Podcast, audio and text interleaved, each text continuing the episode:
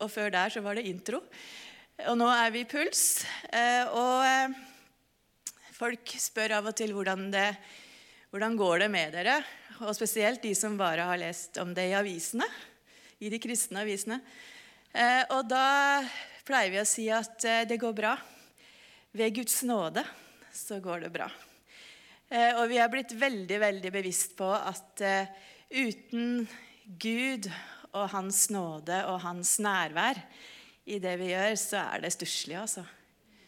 Men det å på en måte se at man kan gå igjennom ting, og ting kan være krevende, og så kan man komme ut på den andre siden, og så kan man likevel være optimistisk for framtida. Så der er jeg eh, noe som heter så fint som operativ leder. Det samme med at jeg er litt pastor. Så det er en god kombo for en som liker at det er orden, men òg muligheten til å kunne gjøre det som jeg gjør nå. Yes. Eh, jeg vet ikke om dere som husker at dere har hørt meg tale før, at eh, jeg eh, likte å sitere Adrian da, i talene mine. Og det har fulgt meg i alle år. Han er, han, han er med på det. da. Han er litt sånn stolt av å være en så stor del av mitt repertoar. Eh, og du skal få et par av de her i dag òg, men for det faktisk Jeg skal begynne med å si at eh, vi tok jo vaksiner. Eh, og jeg vet ikke hvor mange her som gjorde det, men du ble sittende i det der rommet nede i Sandnes sant? Og på, rad. Det var, veldig, det var litt sånn høytidelig, rett og slett. Og så kom han hjem. da, Adrian hadde sittet der. og så hadde han blitt sittende, Alle satt liksom midt i, og så hadde han blitt sittende på en sånn siderad. da, og se på folk, og så sier han at ja, noen satt og så ut i lufta, noen så litt på telefonen. Noen bare Ja, de visste ikke helt hva de skulle gjøre. Akkurat som i kirka.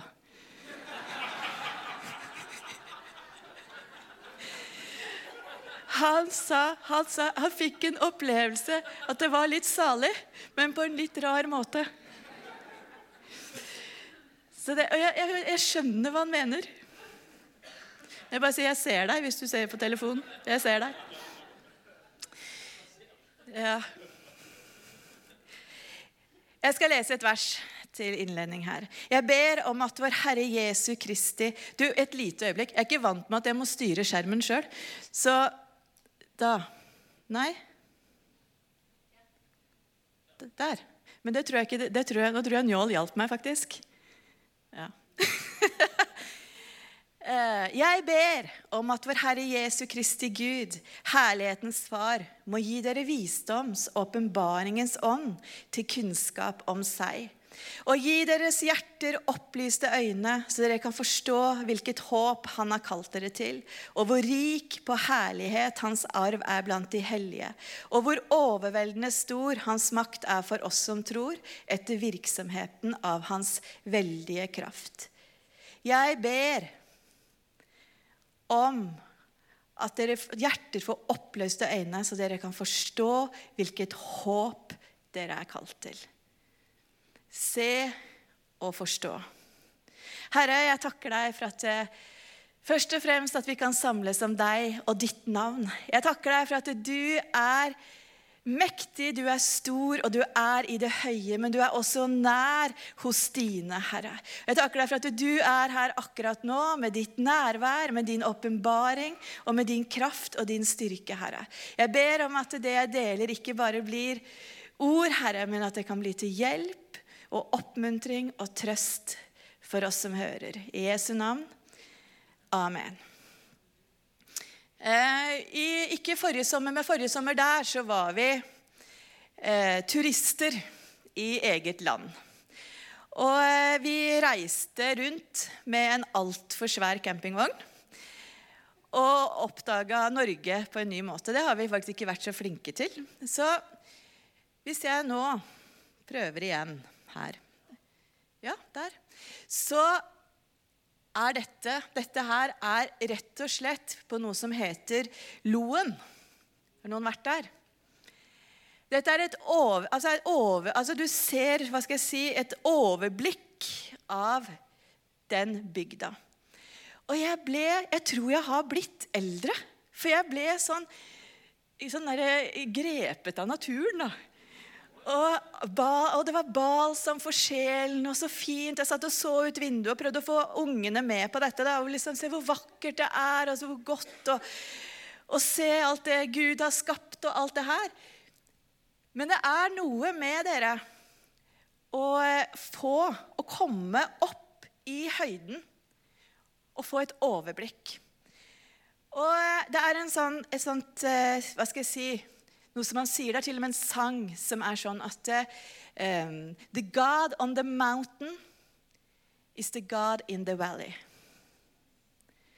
Og det er kjempefint, og det er godt å bli minnet om. Men jeg har lyst til å snu det litt på hodet i dag og si at the God in the valley is the God on the mountain. For det er veldig mange av oss vi har blitt så utrolig gode på å være i dalen. Vi har blitt så gode på å liksom kjenne oss litt sånn desorientert, kjenne på litt tvil, kjenne at tidsklemma tar oss, slitenhet, at man på en måte er litt sånn i motbakke. Og så minner vi hverandre på noe som er helt riktig, nemlig at eh, Gud er med i dødsskyggens dal. Gud er med når du kjenner deg motløs. Gud er med. Sant? Og så minner vi hverandre på disse tingene. og Vi har blitt veldig gode til det. Men det er akkurat derfor jeg har lyst til å minne på at the God in the valley is the God on the mountain. Han kan faktisk være med og gi perspektiver og råd og visdom som er langt utover det nærmeste du ser. Kanskje han i dag kan begynne å dryppe ting i hjertet ditt. For det at han som kan trøste i dalen, han kan også fylle hjertet ditt med glede over det som ligger foran. Og han som gir styrke når dagene er tunge, han kan også lege et sønderknust hjerte. Og han som kan være nær i ensomhet, han kan også helbrede relasjoner. The God in the valley is the God on the mountain. Han kan løfte deg opp. Og i Salme 32, 32,8 så står det Jeg vil lære deg Dette her var bare Oi, oi, oi. Jeg tror du må hjelpe meg. Ja. Daniel. Det er det Daniel, ja? Jeg trodde det var Njål. Han jeg snakket med i stad. Daniel, du må hjelpe meg. Jeg vil lære deg og vise deg den veien du skal vandre, og jeg vil gi deg råd ved mitt øye. Han som vet alt, han som kjenner alle ting, han som er større enn alle ting. Og Du kan ta neste bibelvers også, der hvor Jesus snakker med disiplene sine. Og så sier han Sier ikke dere, det er ennå fire måneder før høsten kommer. Men jeg sier dere, løft blikket deres og se på markene. De er allerede hvite til høsten. Det som vi kan forstå ut av den teksten her, er jo at eh, disiplene de snakker jo ut ifra hvordan det er. Dere sier det er ennå fire måneder før høsten kommer. Det er det vi ser. Det er situasjonen, det er realiteten. Men så sier Jesus til dem, men jeg sier dere, Se med de åndelige øynene. Det er jo det han ber dem om. Løft blikket. Se på markene. De er allerede hvite til høst. Og i, annen, altså i et annet av evangeliene står det også Be derfor høstens herre om å drive arbeidere ut til sin høst. Så han sier, løft blikket, se og be. Ja, jeg ser at omstendighetene er sånn. Ja, jeg vet at det er mennesker i din familie som det kanskje er vanskelig i relasjon, eller som du lengter etter skal komme til tro. Ja, det er uro. Kanskje det er krevende ting i kirka. Ja, sånn er det. Men løft blikket. Se og be. Løft blikket, se og be. Kanskje du er sånn at Ja, men jeg har bedt. Jeg har til og med ropt. Jeg har grått. Og vi har eksempler fra Bibelen om Josef. sant? Husker du Josef som eh, fikk en drøm eller to? Og han er 17 år, og mellom det at han er 17 år, og oppfyllelse av de drømmene, så blir han solgt som slave. Så blir han beskyldt for noe som ikke er sant. Så blir han glemt. Så blir han utnytta. Men like fullt så gjør den drømmen og det som han har sett, der hvor han har løfta blikket, han har sett, det gjør at han beholder integritet. Det gjør at han midt i det som er vanskelig, står i det. For han har sett noe.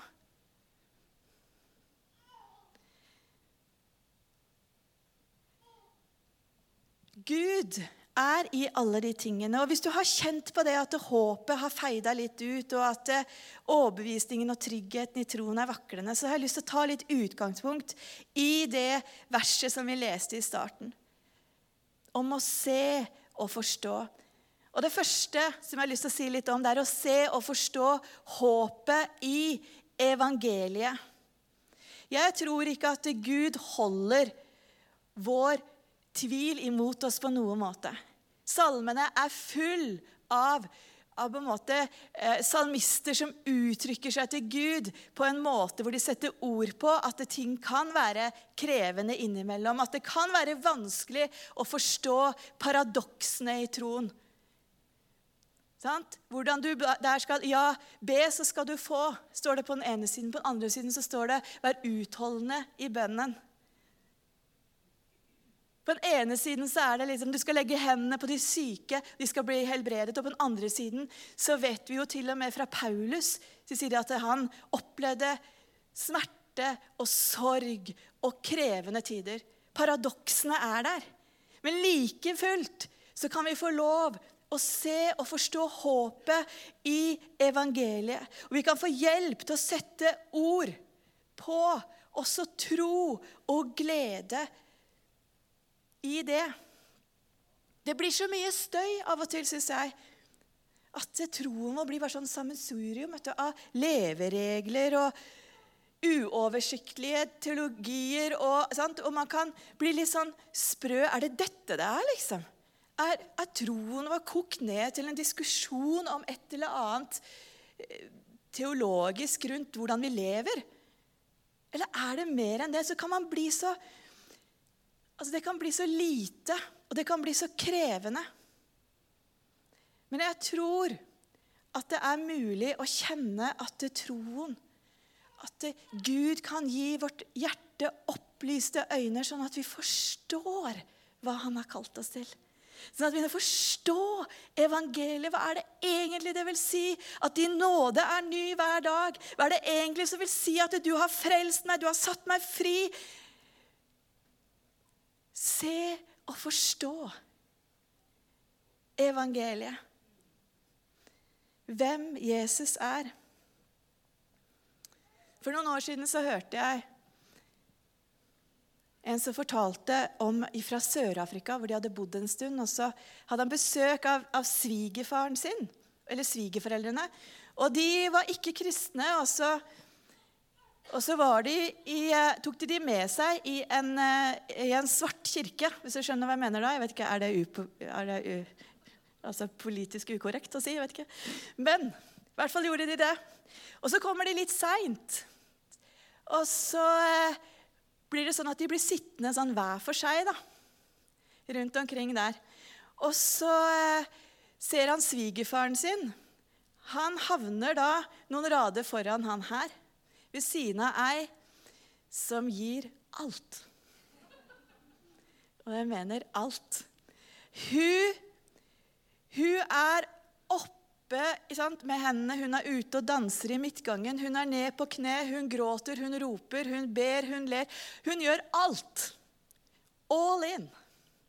Og han bare sitter og river seg håret og tenker er det ikke typisk når svigerfar, da, som for øvrig ikke var en troende, er med i kirka, så er det dette han blir utsatt for. Han, var, han, han syntes det var krevende, for å si det mildt. Og så er gudstjenesten over. og Han vet nesten ikke om han har lyst til å spørre engang om hva han syns. Men han gjør nå det, da. Og så sier svigerfar Tro har aldri gitt så mye mening. For jeg ble sittende og høre på hun som uttrykte sin, sin, altså sin, beundring og sin takknemlighet og sin glede overfor en Gud som er med alle dager. Og så var hun nede, og så ba hun for barna sine, for familien sin, for, det, for sitt daglige brød. Og så er hun oppe igjen med 'Takk, Gud, at du er i alle ting'. Tenk, Hvor skulle jeg vært hvis ikke jeg hadde deg? Så Plutselig så ga tro så enormt mening. Så mens han da, som jeg kjente, sitter bak og er, syns dette er litt krevende fordi at det, det ble så voldsomt, så sitter svigerfar og tenker at det aldri har tro gitt så mening. Overgivelsen, selv med kontrastene i livet. Selv med disse paradoksene i troen, så ser han en tro som er hele livet. Romerbrevet 8, 38. For jeg er overbevist om at verken død eller liv, verken engler eller myndigheter eller makter, verken det som er nå eller det som skal komme, verken høyde eller dybde eller noen annen skapning, skal være i stand til å skille oss fra Guds kjærlighet, som er i Jesus Kristus. Kanskje trenger vi å hva skal jeg si redefinere litt hva vi tenker om hvem Gud er. Kanskje trenger vi virkelig å be Gud minne oss om hvem han er, for perspektivene våre har liksom blitt låst seg på en måte. Jeg jobba som kontaktlærer på Kyrkjevollen for mange år siden. Og da hadde jeg første klasse. Og eh, da var det noen som oppdaga hvor vi bodde.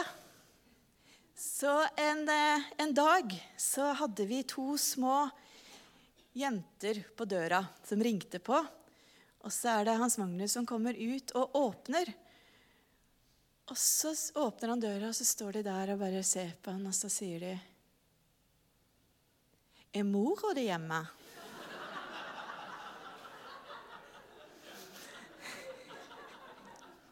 Au. Det var veldig vanskelig å plassere meg i forhold til han. For i deres verden så var jeg på en måte en slags autoritetsperson. Som, bare det at jeg bodde et annet sted på skolen, er jo vanskelig. Sant? Det var litt låst i tanken på hva dette kunne være. Og da ble jeg mor òg. Har vel av og til fungert litt som det òg, men utover det så er jeg, ikke moro. Men det er litt sånn når det blir litt sånn med Gud også, og med evangeliet, og med når man har gått og trødd i det i mange år, så blir man litt låst i perspektivene. Og måtte dette her bli også en formiddag hvor du kan kjenne at du forstår at øynenes hva skal jeg si, At dine øynes øh, lys ja, Øynene får litt mer lys. Du forstår enda litt bedre om hvem Gud er og hva evangeliet er. Neste se og forstå håpet i Guds menighet. Guds menighet, det er jo eh, ikke bare et sted hvor man på en måte blir med på noe. Eller en tjeneste eller en oppgave eller blir med og gjør noe. Guds menighet det er faktisk det som Gud har sagt at nå, hvis verden skal bli kjent med Jesus, så er det gjennom menigheten. Det er det gjennom man, altså Troen er personlig. Du tar et personlig standpunkt for Jesus, og så blir du et del av et vi. Du går ifra jeg til vi sånn. Så det å stille seg på utsida, liksom at jeg, jeg bryr meg ikke om det Ja, men du, du er det. Og Da snakker jeg ikke om et lokale, jeg snakker om at man blir en del av Kristi kropp. Man blir en del av de som er ambassadører for himmelen ut i denne verden. Gud på en måte har tatt et variabel av ufullkomne mennesker. Satt de sammen og sier at eh, dette skal jeg puste på, og så skal dette være det som er himmel på jord. Komme ditt rike, skje din vilje. Hvordan da? Gjennom Guds folk. Gjennom hans menighet. Gjennom vi-et. Og så er vi da på en måte Vi strekker til og strekker ikke til. Det kan variere veldig. Men jeg tror Gud ser i nåde til oss på det. For det er dette han har gjort seg avhengig av i forhold til at Guds rike skal bli synlig. Så når vi tar det lille vi har, ut i vår hverdag, ut i vårt liv, inn i det vi står i, så er det sånn han Gud har på en måte designa det. Det var sånn han ville det skulle være. Vie Guds forsamling. Og Der skal vi få lov å spre Guds godhet og Guds nåde og Den hellige ånds kraft. Og vi skal få bringe lys og kraft inn i en verden som ligger i mørket. Og noen ganger Jeg var litt innom ting som kan stå i avisa. Noen ganger så kan man jo kjenne at eh, man har Altså, er, vi er så forskjellige, for å si det sånn i hvordan man uttrykker seg, og hva man syns er viktig, og hva man på en måte legger vekt på. Og folk skriver så mye rart, liksom. Sant? Jeg kan tenke er, altså, hva, hva, er greia, liksom? Sant? Jeg vet, Det er sikkert kanskje ingen andre som leser kommentarfelt. Jeg, jeg har, jeg har sånn elsk-hat-forhold til det. Jeg klarer ikke å eh, la være, på en måte. Selv om jeg burde det. Men jeg kan bli litt sånn, jeg kan bli litt sånn der, urolig. Men så tenker jeg at det er brødre og søstre Gud ser i nåde til de òg. Gud ser i nåde til meg. Gud ser i nåde til oss alle sammen. I dette som vi står i, i å prøve å være Guds hender og føtter på jorda. Men like fullt så tror jeg vi skal være frimodige og be om at lyset av hvem Jesus er, skal få skinne enda klarere.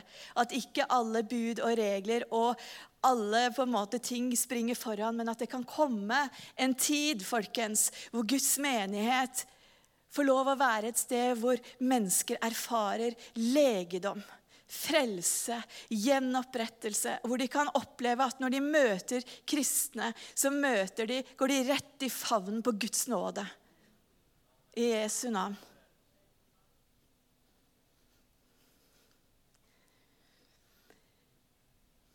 Se og forstå håpet om himmel og evighet. Jeg vokste opp med, med sanger om himmelen. På søndagsskolen så var det nesten, nesten det vi sang om. Altså, vi, jeg, kan veld, jeg kan veldig mange om, eh, om tog på vei til himmelen. Men òg voksne sanger, holdt jeg på å si. Altså der hvor roser aldri dør. Hørt om en stad over mollen. Mange sanger som på en måte gjorde noe med de som sang. Eller en som Henriette sang hele veien. Liksom, 'Her er billetten, hvor skal du reise?' Ja, ja, her kan dere den. Og hvem betaler for den billetten? Vil du bli med, vil du bli med? Og hvem betaler for den billetten? Det er så fint. Kjempefint. Jeg tror at eh, det kan fort bli litt sånn at vi tenker og Hvis vi snakker om himmelen, så er det fordi man ønsker seg vekk herfra. Men jeg tror man kan ha to tanker i hodet på en gang. Jeg tror man kan kjenne på himmellengsel samtidig som det er rom for å ha et godt liv og holdt på å si, bli gammel og mett og dage. Så kan man også kjenne på takknemlighet for at en dag skal vi få lov å være sammen med Jesus i himmelen. Og så er det jo sånne, Vi får jo noen drypp da, om hva det vil si. Og folk kan bli liksom stressa av at de bare skal synge og synge, og det skal liksom bare være og vandre rundt. Og, sant? Men Gud, da, som er fullkommen, Gud som er, på kjenner oss fullt ut, når han lover at det skal bli et fantastisk sted, så tenker jeg at vi kan stole på det. Og til igjen tilbake til den campingturen da, som vi var på.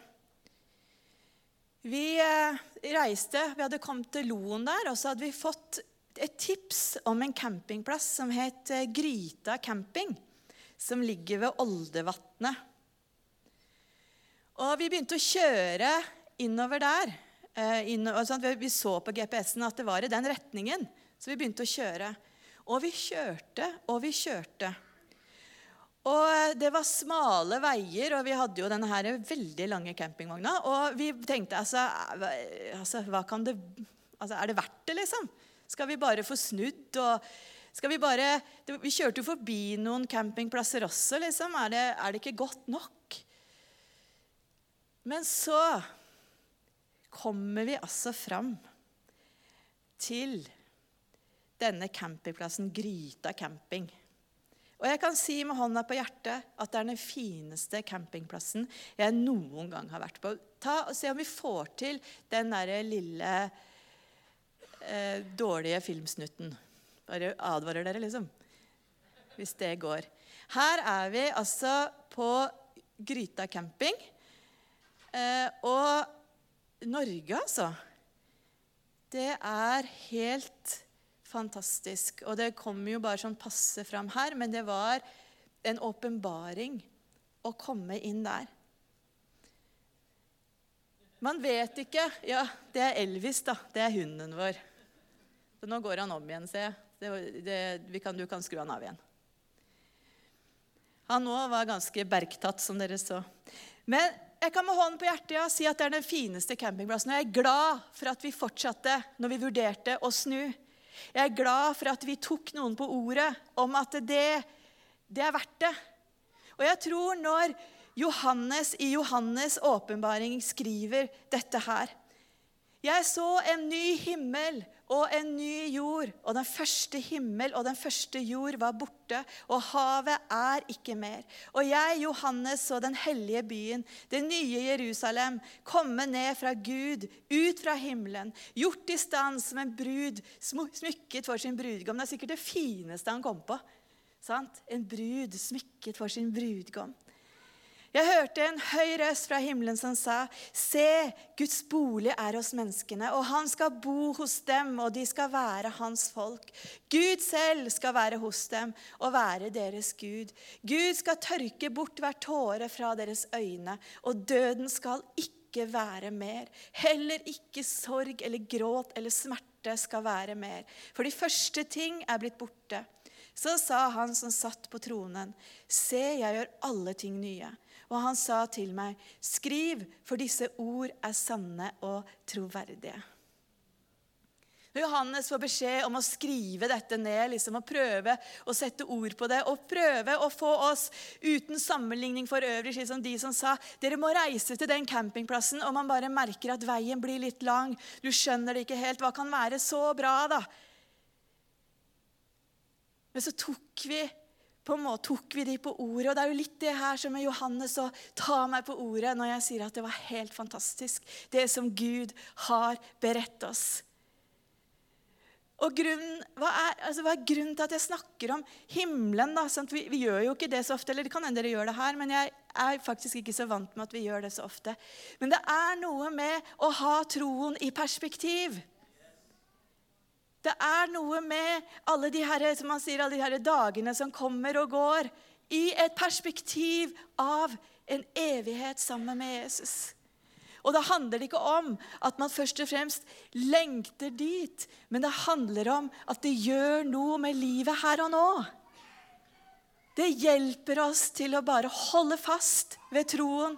Det hjelper oss til å se og forstå mer av evangeliet mer om hva livet vil si.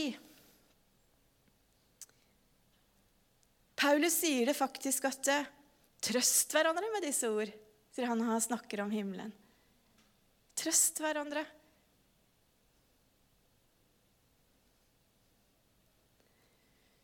Vi eh, var så vidt innom det her med, med Eller dere, dere, har et fokus nå som er på, på Jesus. Og, og i det å forstå og se og forstå evangeliet, i det å se og forstå Guds menighet, og i det å se og forstå håpet om evigheten, så er det jo én person som er sentral, og det er Jesus Kristus og hans navn. Jesus Kristus og han alene. Og jeg tenker at det må vi løfte opp i alle ting som vi holder på med. Og Thomas Nøtland, hvis dere vet hvem han er, han skrev en, en slags kronikk i en avis som jeg har bare lyst til å lese litt ifra. Ser vi til høyre, får vi øye på ekstra ekstremister som tar livet av uskyldige. Til venstre møter vi aktivister som prøver så godt de kan å ta stemmen fra mannfoldet. Forsøker man å holde stø kurs, sørger Zuckerberg, altså han som har starta Facebook, for at vi får dagens uviktige agenda i fleisen likevel. Mediehusene kappes om å lage størst mulig orkan i vannglassene sine. Og intense influensere tar i bruk all, alle retoriske virkemidler for å gi oss vanlige dødelige mest mulig dårlig samvittighet for at vi ikke mener nøyaktig det samme som dem. Og sauser vi alt dette sammen med pandemier, algoritmer, strømpriser og Putin, så får man det som vi på Jæren kaller a perfect storm. Eller turbulente tider, om du vil. Likevel, midt oppi turbulensen, kan man merke en uforstyrret bevegelse fra himmelen. Hvis man er litt årvåken, en ukomplisert invitasjon fra en udistrahert stemme om å finne seg selv i det tidløse navnet Jesus. Du vet det navnet som aldri blekner, som ikke tæres av tidens tann. Det er noe med det navnet. Apostelen Peter visste godt hvilken kraft som lå latent i navnet til opprøreren fra Nasaret. I apostlenes gjerninger kapittel 3 møter vi en lam mann som bønnfaller Peter om en gave. Men Peter svarer smart, sølv eller gull har jeg ikke, men det jeg har, vil jeg gi deg. I Jesu Kristi Nasarerens navn, reis deg og gå. Mannen spretter opp, og miraklet er et faktum. Ved navnet Jesus kunne fiskeren Peter være en kanal for en over, et overnaturlig under. Jeg elsker at Peter ikke prøver å gi den lamme mannen det han spør om. Han beklager seg heller ikke eller oppretter febrilsk en spleisaksjon. Istedenfor å gi den lamme mannen det han spør om, så gir han ham det han har. Og det er så mye bedre enn det han spør om. Som kristne er navnet Jesus det største vi har. Det eneste vi har. Kraften, troen, ja, frelsen finnes i det navnet. Det kan vi være stolte av og dele med frimodighet. Til og med til dem som spør oss om det vi ikke har. For det dummeste som finnes, er når kristne prøver å svare på spørsmål man ikke har svaret på. Når teologer prøver å få Bibelen til å si noe den ikke sier, eller når Kirken prøver å omdefinere teologi og praksis for å møte noens følte behov. Her kan vi lære av en uforbeholden Peter å si det du spør om, har jeg ikke, men det jeg har, kan du få. Det jeg har, er navnet Jesus. Jeg sier ikke at vi skal ignorere folk sine spørsmål eller avvise menneskers behov. Få ting er mer irriterende enn kristne som blankt benekter livets gråsoner og svarer med et bibelvers ute av kontekst på alle dilemmaer og problemstillinger. Men det er frigjørende deilig å vite at Kirkens framtid ikke hviler på våre strategier, talekunster, gode argumenter eller kun vår medmenneskelighet. Det hviler på navnet Jesus. For ved det navnet kan hvilken som helst turbulens stilles, hvilken som helst relasjon gjenopprettes, og hvilken som helst sår helbredes, og hvilket som helst hjerte forvandles. For det er noe ved navnet Jesus.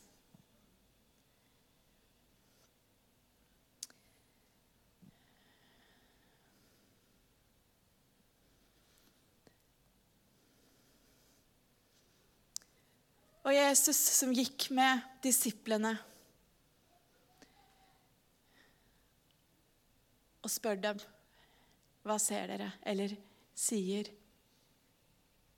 Det er jo dette dere ser, det er jo dette som er livet, det er jo dette som er omstendighetene.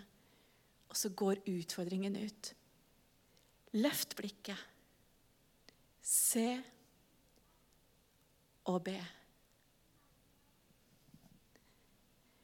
Jeg ber om at vår Herre Jesu Kristi,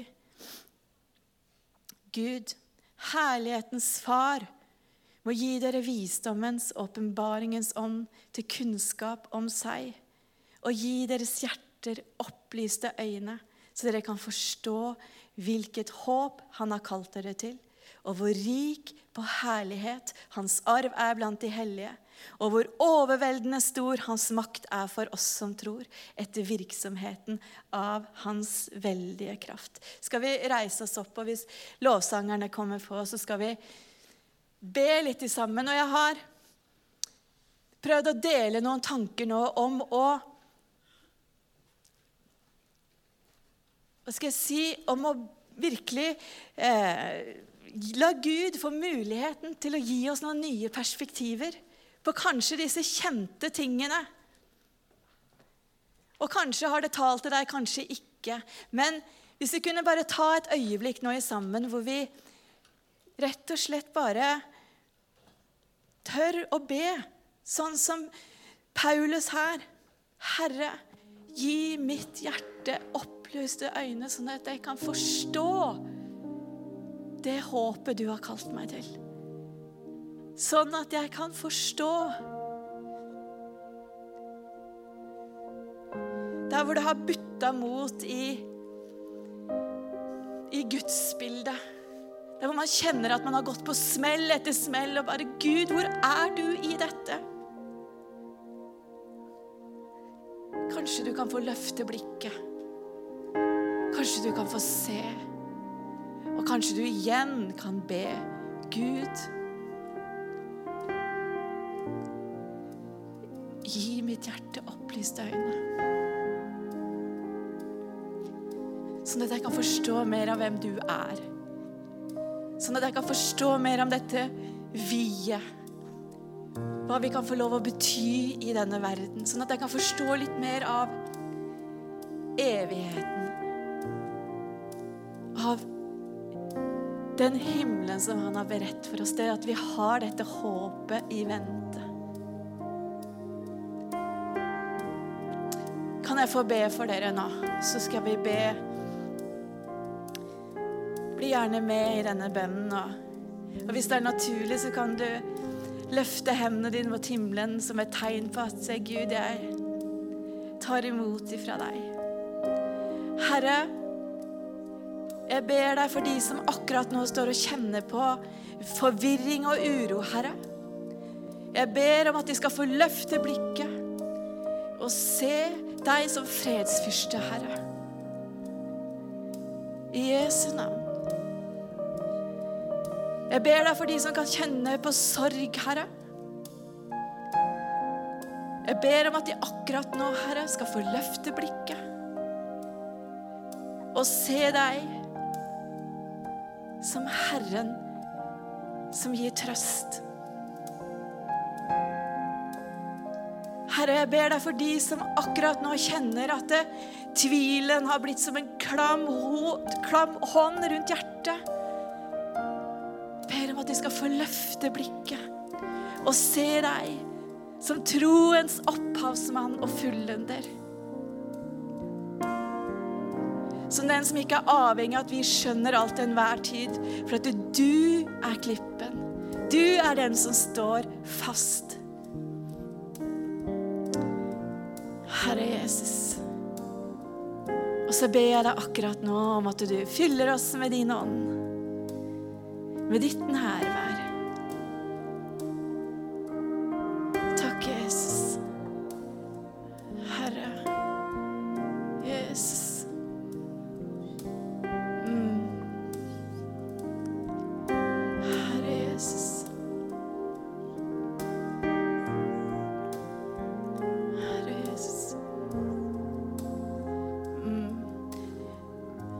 Kjenner spesielt på at det er noen som står her og eh, kjenner på en bekymring.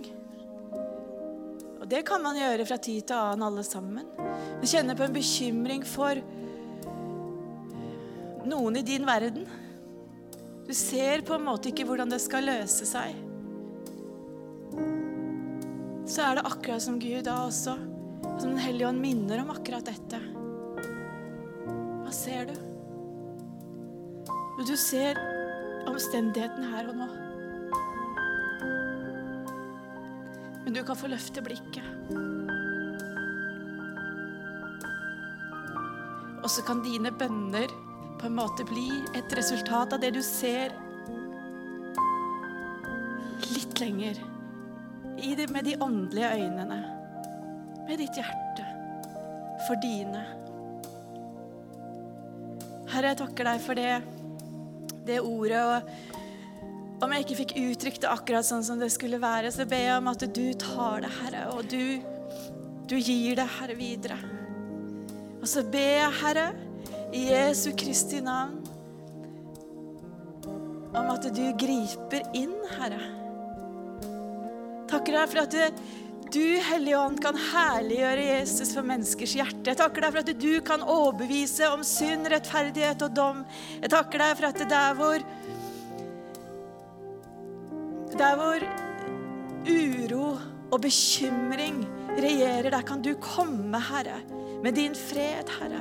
Takk at vi kan kaste bekymringer på deg, fordi du har omsorg for oss, Herre. Midt i den situasjonen. Jesu navn. Jesu navn. Vi fortsetter å være litt i dette nærværet, så hvis dere synger litt, og så